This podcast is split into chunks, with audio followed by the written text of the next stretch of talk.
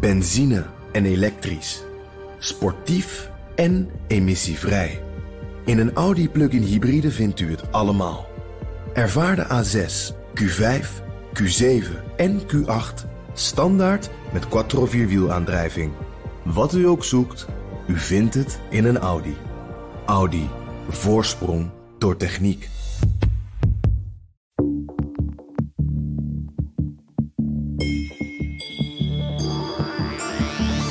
2016 was ik voor het laatst in China. Samen met mijn 1,90 meter lange, lichtblonde vriend, die zo wit is dat hij al verbrandt bij het eerste straaltje lentezon. In de metro in Beijing maakte een jongetje semi-stiekem selfies met hem en stond een man met open mond de afstand tussen Jaap's hoofd en het dak van de metro op te meten.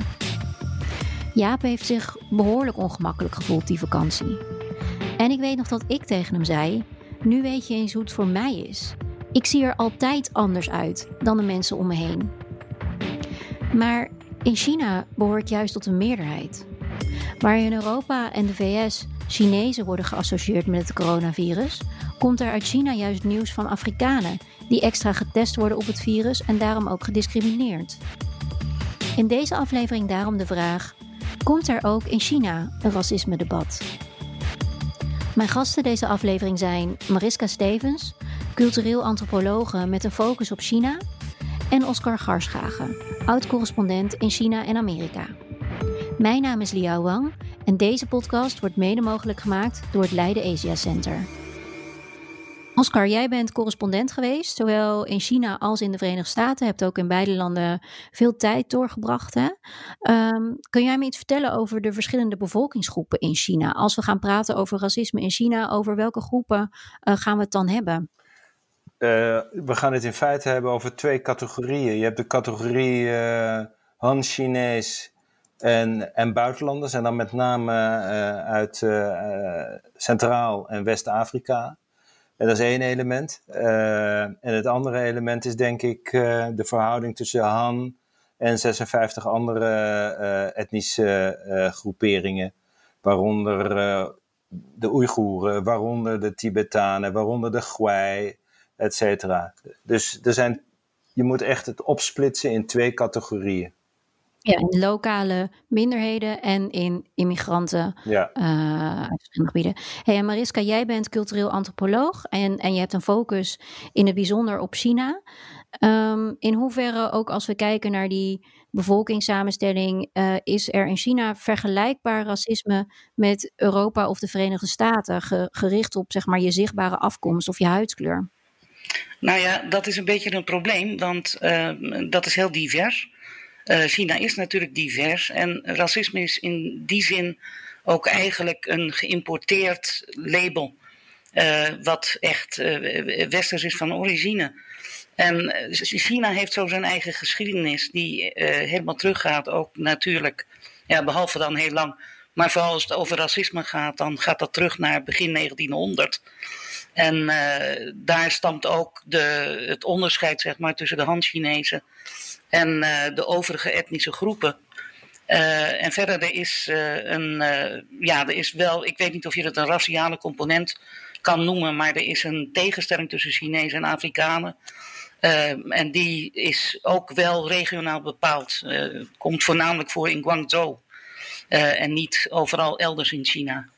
Ja, dus de raciale spanningen tussen de immigranten en de Han-Chinezen, zeg maar, die zijn, die zijn er niet overal. Die zijn er vooral in steden waar dat ook echt samenkomt. Zo bijvoorbeeld Guangzhou. Ja, Guangzhou heeft uh, iets van uh, 20.000 Afrikaanse migranten. En uh, wat heel opmerkelijk is, is dat als het gaat over discriminatie en over racisme, dat dat ook heel erg samenhangt met de status van die migranten. En uh, de Afrikaanse migranten in Guangzhou die zijn over het algemeen niet heel erg rijk. Uh, zitten ook heel vaak zitten ze daar illegaal. Uh, en dat is toch anders. Ik wat ik in Shanghai heb gezien aan ja, wat dan discriminatie heet ten opzichte van Afrikaanse foreigners, zeg maar. Dat, is toch, dat werkt heel anders dan bijvoorbeeld in Guangzhou.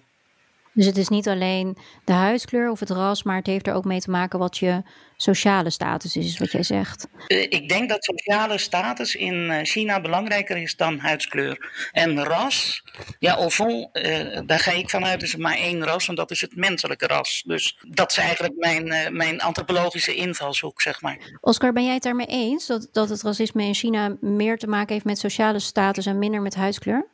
Ja, ook. Maar daar valt wel wat aan uh, over te zeggen verder. Kijk, het, het, het grote verschil is natuurlijk dat China, de Chinezen, geen, uh, geen geschiedenis hebben van, van slavernij en koloniale overheersing.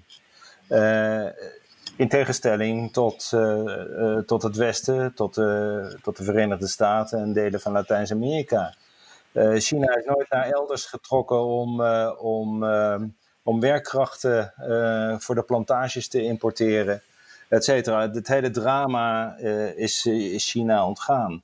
Uh, het is in China natuurlijk een kwestie van grote onbekendheid met, met anderen, met anderen dan Han-Chinees. kijk, 11% van de Amerikaanse bevolking stamt af van de slaven. Uh, uh, en dat is natuurlijk in, in, in China een onbekend iets. Er zijn in totaal 500.000, uh, zeggen, hoe zou ik het zeggen, immigranten in, in, de Verenigde Sta in, in China uit Afrika. waarvan 20, dat varieert per jaar, tussen de 20 en 30, soms 50.000 in, in Guangzhou. En dat heeft natuurlijk allemaal te maken met uh, de aanwezigheid van de lichte maakindustrie in, in dat gebied, in de Parelrivierdelta. En, en dan heb je in de universiteitssteden uh, Shanghai, Tianjin, uh, Beijing, maar ook, ook in, het, in Hangzhou heb je heel veel Afrikaanse studenten. en ook uit studenten uit, uit, uit India en Sri Lanka. En, wat dat betreft is het. Wat dat, het blijft altijd in een bevolking van 1,4 miljard mensen uh, een, een, een, een, hele kleine minderheid. Dat is een. Uh... en, en wat is het gevolg daarvan, Oscar? Het feit dat de groep van uh, ja, mensen met een andere huidskleur zo klein is. Wat, wat doet dat met hoe mensen daar naar kijken? Of de vooroordelen die er wel of misschien juist niet over zijn? Het zijn, het zijn gewoon de bekende stereotypen die te maken hebben met. en dat zie je eigenlijk al aan het eind van de 19e eeuw in, uh, in, de, in de eerste werken van, van, van hervormers, van, van politicologen. Die, die, die, die, die onderzoeken, net als in, dat in de Verenigde Staten gebeurt, die zoeken rangorde, dat hele debat over uh, zijn er verschillende rassen of, of niet. Ja, dat heeft natuurlijk in, in, in China uh, in de 19e eeuw en in het begin 20e eeuw ook plaatsgevonden. ik kwam een, uh, een speech tegen over dit onderwerp van een uh, voormalige uh, premier, Zhao Zhejiang. en die zei, ja, racisme bestaat in de hele wereld, behalve in China. En dat is natuurlijk ook gechargeerd. En dat is een standpunt van de communistische partij. Natuurlijk bestaat er racisme, maar dat komt vanuit een... Naar nu toe komt het vanuit een hele andere aanvliegroute, om het zo maar te zeggen. Het heeft veel meer te maken met uh, met, met stereotypen, met vooroordelen, met uh, tegen. Kijk, het, het woord zwart in het Chinees, gij, heeft, vele, vele, heeft wel vijf of zes betekenissen en die zijn allemaal negatief. het gaat van, van slecht, van verdacht, van. nou, ik heb het allemaal even opgezocht. De betekenis geheim, donker, illegaal, sinister, slecht. Dat zit in, precies, het zit in die taal. Uh, goede Chinese vrienden van mij, mensen met wie ik heel nauw heb samengewerkt, die, die hebben me een paar keer ernstig verrast met hun uh, vooroordelen tegen, tegen zwarte collega's, tegen zwarte mensen. Ja, maar dat zit dus eigenlijk al in de, in de taal, zit dat eigenlijk al? ja, daar kan ik een goed voorbeeld van geven. Een hele goede vriendin van ons uit Sri Lanka, pikzwart. Uh, die, uh, nou ja, eh, als ze naar ons toe kwam, vertelde ze van... Ik, ik, liep op straat bij jullie en iemand kneep in zijn neus. of iemand stapte opzij op straat. of iemand, haar vriend, al even donker... van, had wel eens in de metro meegemaakt, van, van uitgerekend Shanghai zelfs... uh, dat een mevrouw een paar plekken verderop ging zitten en haar tasje wat, wat steviger tegen de borst knelde. Ja, dus dat is eigenlijk heel openlijk. Ja, het gebeurt heel openlijk. Tuurlijk. Het, uh, Chine Chinezen zijn uh, anders dan het stereotype wil. buitengewoon rechtstreeks en open als het, als het erop aankomt. Dat kan ik je vele voorbeelden geven. Ik, mijn, mijn ervaring is ook in Shanghai natuurlijk. Ik heb gewerkt bij Donghua University heel lang. met studenten van alle nationaliteiten. ook Afrikaanse studenten. Um, en ik denk wel dat de achtergrond van de, de Afrikaanse studenten heel erg meespeelt. Wanneer ze komen studeren. En dan ook is er een groot verschil tussen Shanghai en, en verschillende andere regio's. Zelf heb ik meegemaakt dat ik op de boot tussen Goranju en Xiamen de enige buitenlander was. zelfs een hele periode lang in die tijd dat ik daar zat. En op een bepaald moment stond er iemand voor me en die draaide zich om en die zag mij. En ik was natuurlijk een buitenlander. En schrok zich werkelijk wezenloos. Verkrampte helemaal. En, en daarna begon iedereen eromheen daar vreselijk over te lachen. Maar het is natuurlijk ook zo dat China nog maar net uh, open is. China is nog niet zo lang naar de, de rest van de wereld toe dat het open is gesteld zeg maar, voor buitenlanders. En feitelijk betekent dat ook dat alles wat daarin voorkomt tussen nu en, ik noem maar wat, 20 jaar geleden, is er al een groot verschil. Als je 20 jaar geleden in Nanjing liep, dan keek iedereen je aan op het moment dat je een, met een, een blanke huid daar rondliep.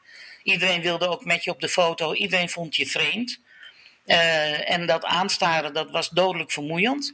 Uh, maar dat is tegenwoordig is dat niet meer het geval. En dat heeft ook te maken met een ja, soort assimilatieproces. Ja, en dat, dat is misschien ook niet alleen, als ik jou zo hoor, Mariska, dan geleerd aan uh, zwarte immigranten, maar eigenlijk aan alle uiterlijke waar Chinezen nog aan, aan het wennen zijn. Nou, het grappige is dat op een bepaald moment uh, mensen waar ik mee gesproken heb in Shanghai en ook vrienden van mij zeiden dat een heel groot gedeelte van de stereotypen die er bestaan, uh, ook over zwarte mensen, dat die geïmporteerd zijn, ook uit het Westen. En zij gaf een interessant voorbeeld. Ze vertelde dat zij in de Verenigde Staten was. En daar was ze bij een jazzoptreden geweest. Had ze een drummer gefotografeerd die kaal was. En dat had ze naar huis gestuurd. En vervolgens had haar vader gezegd: Je mag niet omgaan met uh, mensen die gangsters zijn. En vervolgens uh, vroeg ze haar vader van waarom hij dat concludeerde. En dat had alles te maken met het feit dat de gangsters in, in Shanghai in de, de, wat is het, in de 20 en 30 jaren allemaal hun hoofd kaal schoren. Om te laten zien dat ze behoorden bij de, de, de Green gang van Shanghai. Ja. ja, dat zijn in principe zijn dat geïmporteerde stereotypen. Ja, oké, nou hou deze gedachte even vast, dan gaan we daar zo verder op in. Vergeleken met Nederland of de VS is China dus relatief homogeen. Er zijn zeker minderheden, maar door het ontbreken van een slavernijverleden zijn er maar weinig immigranten. En al helemaal weinig immigranten die al generaties lang in het land wonen.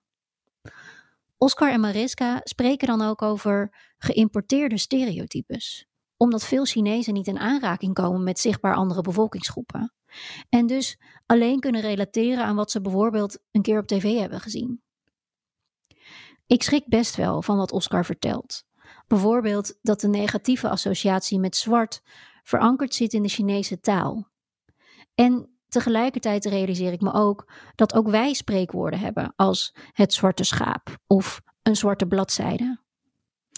En ik herken zeker het directe van op straat in je neus geknepen worden. Na afloop van het familieetentje, waar ik mijn witte vriend voorstelde aan mijn Chinese oma, kneep ze in zijn buik, lachte en zei: Heb je lekker veel gegeten? Inderdaad, van politieke correctheid geen sprake. En, en hoe is dat anders in Shanghai dan bijvoorbeeld in Hangzhou, waar het niet alleen geïmporteerd is, maar waar die bevolkingsgroepen wel degelijk echt samenkomen? Daar komen ze samen en daar. Uh, en dat is natuurlijk de, van, de, van de afgelopen maanden, dat was de actualiteit uh, bij het begin van COVID. dat, dat iedereen uit het buitenland verdacht was. En in Guangzhou extra, met name uit Afrika. Die, Congolezen, Ghanese, Nigerianen, die er ook zelfs al lang zaten, die hebben een forse dosis uh, vooroordelen over, hun, uh, over zich gekregen. Ze werden in hotels geweigerd, in restaurants geweigerd. Ze werden de McDonald's uitgezet. Dat was echt vrij venijnig. En dat, uh, dat had vooral ook te maken met, met het hele COVID-verhaal. Hey, en Mariska, want jij, jij gaf net aan van een deel is je huidskleur, maar een deel is ook je sociale status. Hoe, hoe interpreteer jij wat er in, Guangzhou is gebeurd?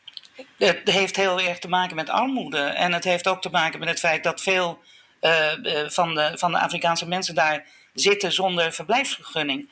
En, dat is, en ook zonder werkvergunning. En dat komt natuurlijk omdat zij daar naartoe zijn gekomen om een, uh, ja, een soort betere toekomst op te bouwen. Omdat in het land van herkomst uh, geen droog brood te verdienen is. Maar je ziet dat bij het, zoeken naar, naar de meest recente publicaties kwam ik onder andere werk tegen van een professor in Wenen. en zijn naam is me even zo snel ontschoten.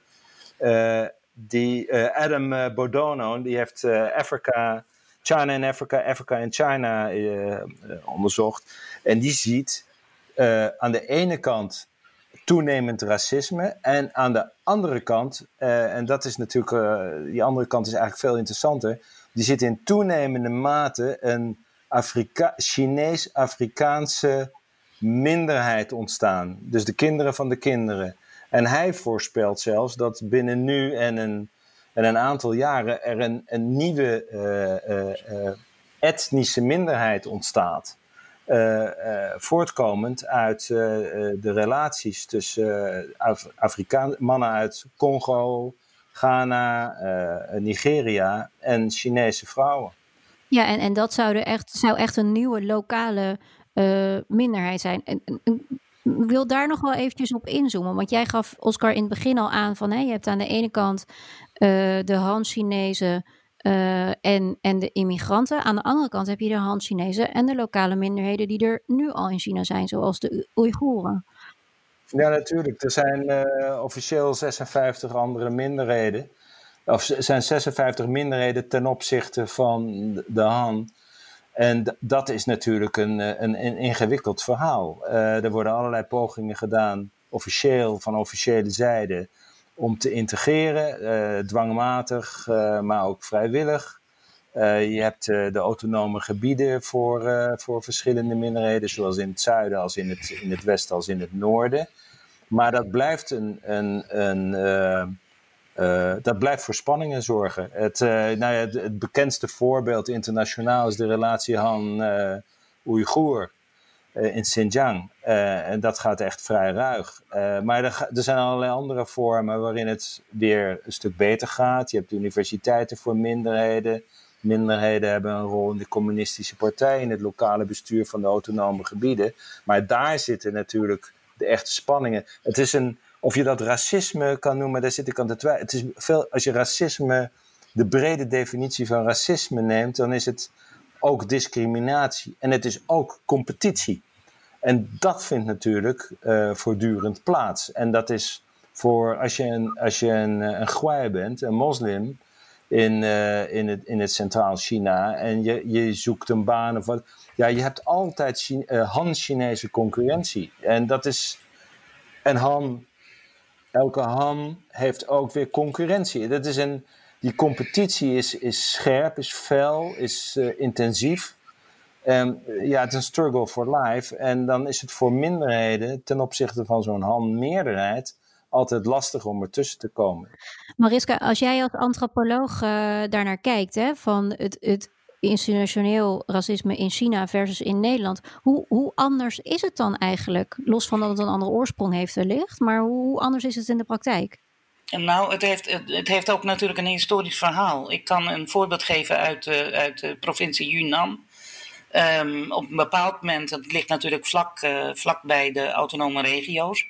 Um, op een bepaald moment heeft de, de communistische partij heeft daar natuurlijk invloed gekregen maar heeft dat uh, heel zelden voor elkaar gekregen zonder uh, steun van de lokale etnische, en ik noem het dan maar de lokale etnische adel. En die lokale etnische adel had ook allerlei contacten en allerlei verbindingen met Thailand. Het ligt daar vlak bij de grens, waar onder andere een groot gebied waar uh, poppy seed en heroïne wordt geproduceerd. En ehm, wat er gebeurde is dat op een bepaald moment die adel in stand is gehouden. Dus met andere woorden, die is niet afgezet, want de loyaliteit van de regionale bewoners, die was toch aan die adel en niet zozeer aan de communistische partij. er werden natuurlijk wel communistische officials neergezet. Nou, het effect daarvan is toch een grote mate van corruptie geweest, omdat regionaal de, uh, uh, zeg maar de lokale adel, als je het zo mag noemen, regionaal belangen had bij het in stand houden van, ja, ook van de, van de, van de poppy seed cultuur en, en dergelijke. En dat was alweer grensoverschrijdend ja, het geeft aan hoe vreselijk gecompliceerd ook die hele etnische, regionale opmaak in elkaar zit. Ja, en dat het dus niet altijd negatief is, maar dat er ook etnische groepen zijn die juist heel positief daaruit zijn gekomen, ook al zijn ze een minderheid.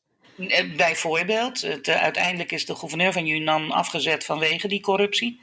Uh, maar je ziet ook wel andere vormen. Ik, ik heb me laten vertellen, want je had het over het debat ik heb me laten vertellen door een van mijn vrienden daar, die zei zo van ja, eh, het is natuurlijk zo dat stereotypen ook bestaan omdat er een sterke band is tussen mensen die in een bepaald dorp leven en het feit dat ze migreren naar andere gebieden.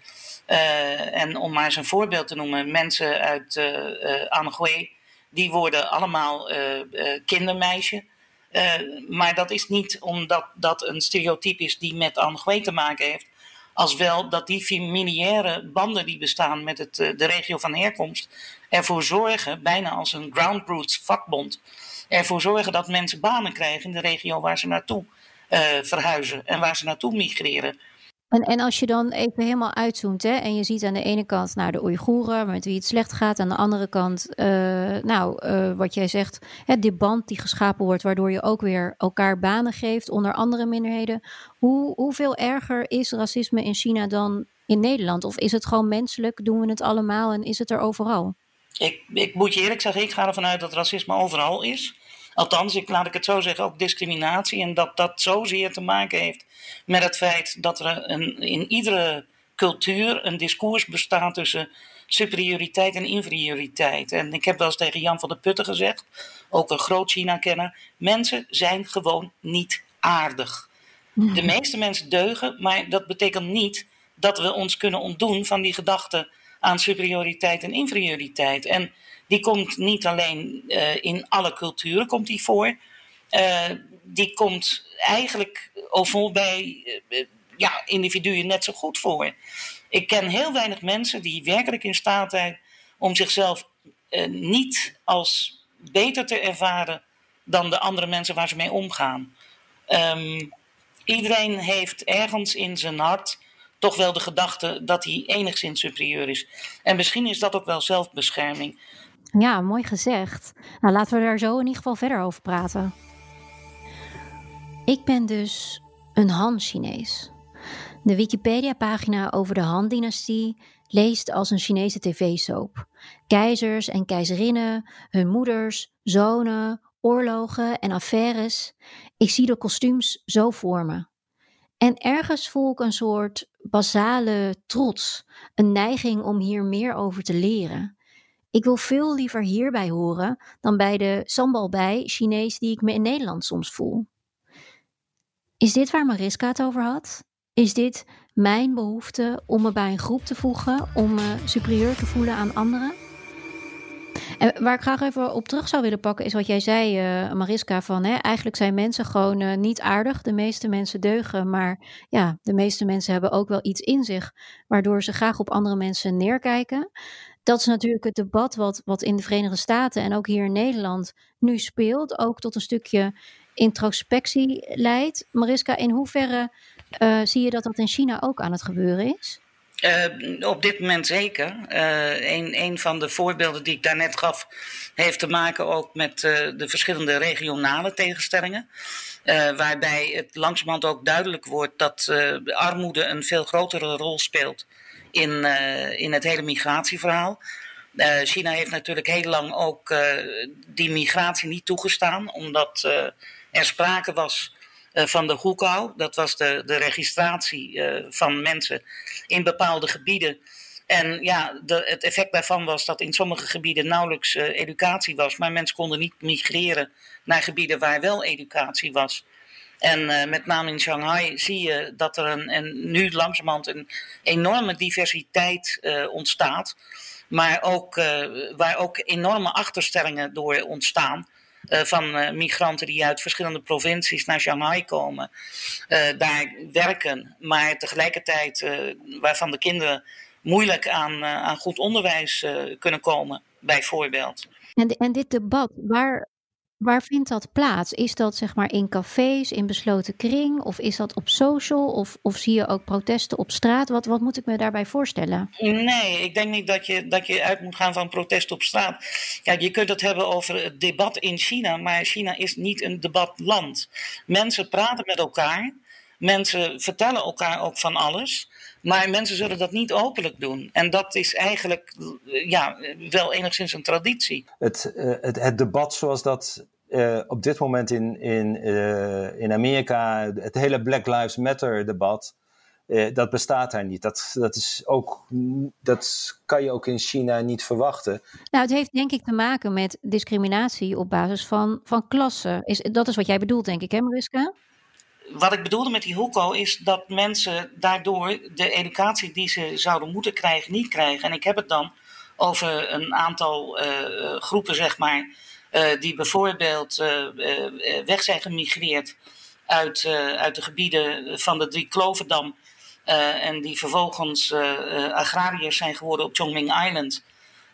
en dat is, dat ze betrekkelijk arm bestaan. Het is niet zo dat, dat zij dan uh, meteen toegang hebben tot de universiteit. En toegang tot de universiteit is ook uh, voor een deel, en dat is in Nederland is dat ook zo, afhankelijk van wat de achtergrond is van je, van je educatieve. Uh, van, van, je educatieve voorland, of tenminste van je educatieve achtergrond. Als je geen of slecht lagere schoolonderwijs hebt gehad, is het moeilijker om naar een universiteit te gaan. Het is overigens ook zo dat universiteiten niet goedkoop zijn. Het is niet zo zoals dat vroeger was in China, maar dat is langzamerhand is dat ook al verdwenen. Dat iedereen uh, gratis uh, onderwijs genoot op universiteiten. Tegenwoordig uh, is dat, gaat dat via een beursenstelsel. waarbij het beslist niet zo is dat, dat iedereen toegang heeft. Nee, en Mariska, als jij praat over hè, het debat wat nu ook bijvoorbeeld in Shanghai opkomt, dan gaat het dus over de ongelijkheid tussen mensen die even platgeslagen van het platteland zijn gemigreerd en mensen die altijd al in de stad hebben gewoond, bijvoorbeeld. Ja, er, wonen op Chongming Island wonen ook nog steeds oorspronkelijke bewoners van het platteland. Uh, die spreken overigens ook dialect. Dus ook in zo'n gebied als Shanghai heb je te maken met regionale verschillen.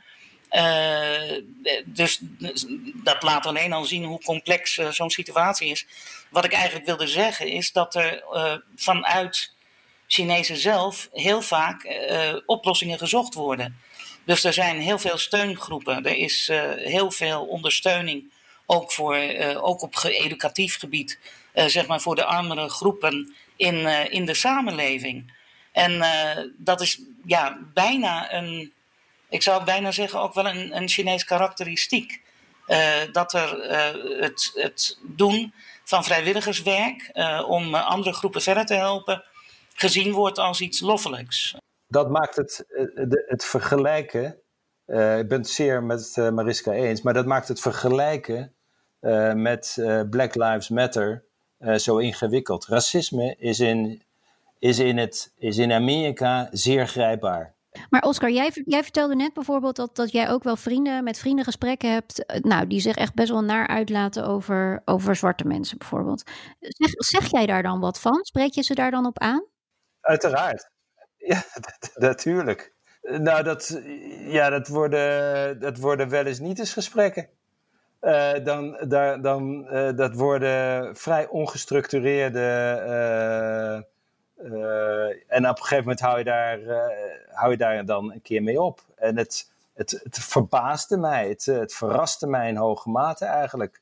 Zeker als je lang in Amerika hebt gewoond, dan, dan, dan leer je wel heel erg op je woorden passen. En ik zou iets als ik het al zou denken, niet eens durven zeggen. Maar het, het verhoogde bij mij ook uh, de, uh, het idee wat Mariska net ook ter, heel mooi verwoordde, namelijk dat het in ieder mens zit en dat ieder mens zich een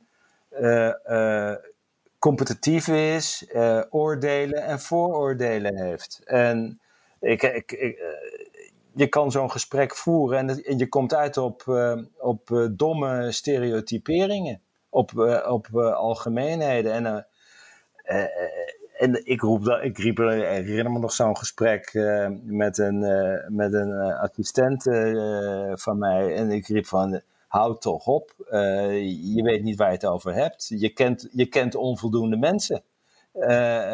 daar heeft het dan uiteindelijk, ja, en op een gegeven moment houdt zo'n gesprek op. Mariska, herken jij dat? Dat het debat over uh, racisme of discriminatie op basis van huiskleur, dat dat eigenlijk niet gevoerd wordt, dat daar misschien nog een stukje introspectie mist? Nou, laat ik het zo zeggen. De mensen die ik spreek over het algemeen, die hebben het niet zozeer over racisme als wel over stereotypen. Ja. En uh, een hoop mensen gaan ervan uit dat die stereotypen minder zullen worden naarmate China opener wordt. Ik vind het heel moeilijk, want uh, we hebben in China hebben we een, eigenlijk een grote open periode achter de rug. En eigenlijk sinds uh, Xi Jinping is, uh, aan de macht is gekomen, is het in China allemaal strakker en ook moeilijker geworden.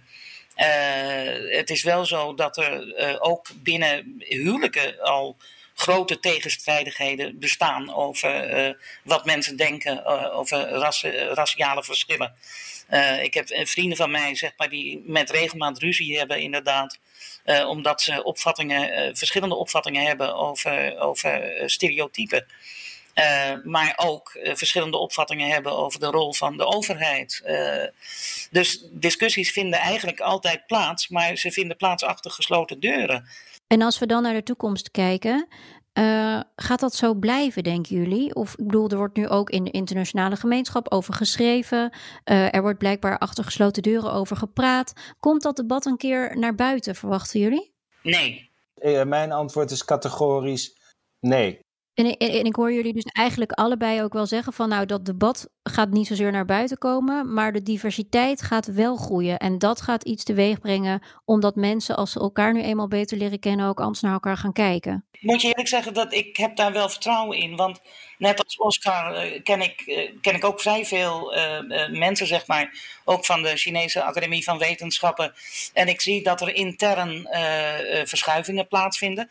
En dat heel veel mensen daar ook aan werken. Niet alleen aan discoursen, maar ook aan het verbeteren van, van de situatie. En wat ik hoor, nou bijvoorbeeld als ik even terugkijk naar Chongming Island, er zijn heel veel jongeren die daar vertrekken, omdat ze eigenlijk natuurlijk ja, hun toekomst zien in Shanghai. Uh, en ook willen studeren enzovoort. Maar later ook terugkeren vanuit een soort piëteit dat ze het gevoel hebben dat ze daarmee iets teruggeven aan de samenleving. En dat iets teruggeven aan de samenleving is iets wat, wat heel sterk aanwezig is in China. En wat mij ook altijd bijzonder aan het hart is gegaan. Want ik zou zo graag willen dat dat in Nederland ook zo was. En Mariska, vind jij dat de overheid daar nog een rol in moet spelen, de Chinese overheid, om bijvoorbeeld wetten aan te nemen waar, tegen discriminatie of dat soort dingen? Denk je dat dat gaat gebeuren? Ik denk dat op dit moment, dat is ook een beetje wat ik zei, zo van politieke correctheid is niet uh, iets van China, maar uh, politieke correctheid over het geheel betekent ook niet dat discriminatie en racisme verdwijnt. Uh, sterker nog, er is een hele grote kans dat wanneer je uitgaat van een soort politiek correcte manier van aanpakken. En dan kun je van alles en nog wat verbieden. Je kunt allerlei woorden verbieden en dergelijke. Dan zullen er andere mechanismes plaatsvinden uh, die, uh, die diezelfde discriminatie in stand houden. Maar dan op een ongrijpbare manier. Het is, het, het, het is natuurlijk niet zo dat de partij, de, overheid van plan is de, de, de, de dominante positie. 91% van de Chinese bevolking is, behoort tot de Han-etnische groepering. ooit zal opgeven. Dat gebeurt natuurlijk niet. Ik bedoel, dat is een. Je ziet het bij die, die, de, de jaarlijkse bijeenkomsten van het volksparlement, van, de, van het congres. En dan zie je altijd vrolijk gekleurde minderheden dansend en, en, en dat is allemaal symboliek. De, de, de, de, de ruimte die Han uh, politiek, sociaal, economisch inneemt, zal nooit worden opgegeven. En in die zin is er ook, daar is geen debat over. Daar is een, althans in, in, in, in het Han-deel van China, is daar geen debat over. Nou, dus, dus als we uh, dan even proberen uh, samen te vatten, dan aan jullie allebei eigenlijk de vraag: um, komt er ooit een echt racisme-debat in China? Nee, ik denk het niet. Althans, niet uh, officieel. Ik denk dat dat debat achter gesloten deuren gevoerd wordt en ik denk dat er ook heel veel uiteindelijk zal veranderen, maar niet in de openbaarheid zoals dat zoals dat in andere landen bekend is. Want daarvoor is de Chinese overheid veel te bang voor separatisme en uh, ook voor allerlei andere vormen uh, van, uh, van sociale onrust. Oscar, wat denk jij? Ik denk dat dat debat achter gesloten deuren, maar ook in de media wel gevoerd wordt, maar een andere vorm heeft. En dat is de, de, de verhouding Han-etnische minderheden, Han-Tibet, Han-Oeigoer, Han eh, eh, de, de, de, de Jiao in, in Yunnan. dat, dat, daar wordt erg veel aan gedaan om, die te, om die, dat conflict tussen, tussen die verschillende etnische groeperingen uh, te onderdrukken. Daar gaat ook veel geld naartoe. Uh, er gaat heel veel geld naar Tibet, er gaat heel veel geld naar Xinjiang, aan ontwikkeling, aan infrastructuur, et cetera, et cetera. Want de angst dat dat uh, op een gegeven moment leidt tot allerlei vormen van sociale onrust. Of zelfs separatisme, daar was men in Xinjiang erg benauwd voor. die is groot. Dus dat is een. Het speelt altijd, die verhoudingen tussen dus die verschillende groeperingen, speelt altijd een rol in de voorhoofden van de, van de leiders. En speelt ook een rol in de media. Maar dat is een andere uiting uh, van debatteren over de verhouding tussen groepen mensen dan het, het, zoals dat in Amerika gebeurt met uh, Black Lives Matter. Mensen zijn nu eenmaal niet zo aardig. Of ze nu wonen in China, de Verenigde Staten of gewoon hier in Nederland. En toch hebben zowel Mariska als Oscar er gelukkig ook vertrouwen in dat de groeiende diversiteit in China gaat leiden tot minder stereotypering en meer begrip. Ook zonder openbaar debat hierover. En ik ga naast kostuumdrama's kijken over de Han-dynastie ook beginnen aan de Netflix-serie When They See Us. Want of we nu wit zijn of Han-Chinees, let's do the work. Tot zover deze China-podcast. Dank aan mijn gasten Mariska Stevens en Oscar Garschagen.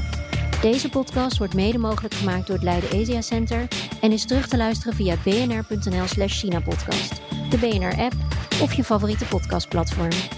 Reageren? Dat kan via podcast.bnr.nl.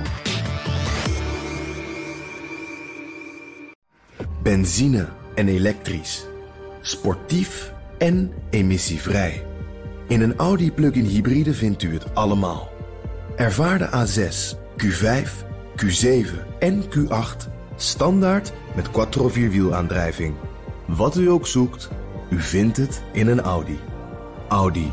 Voorsprong door techniek.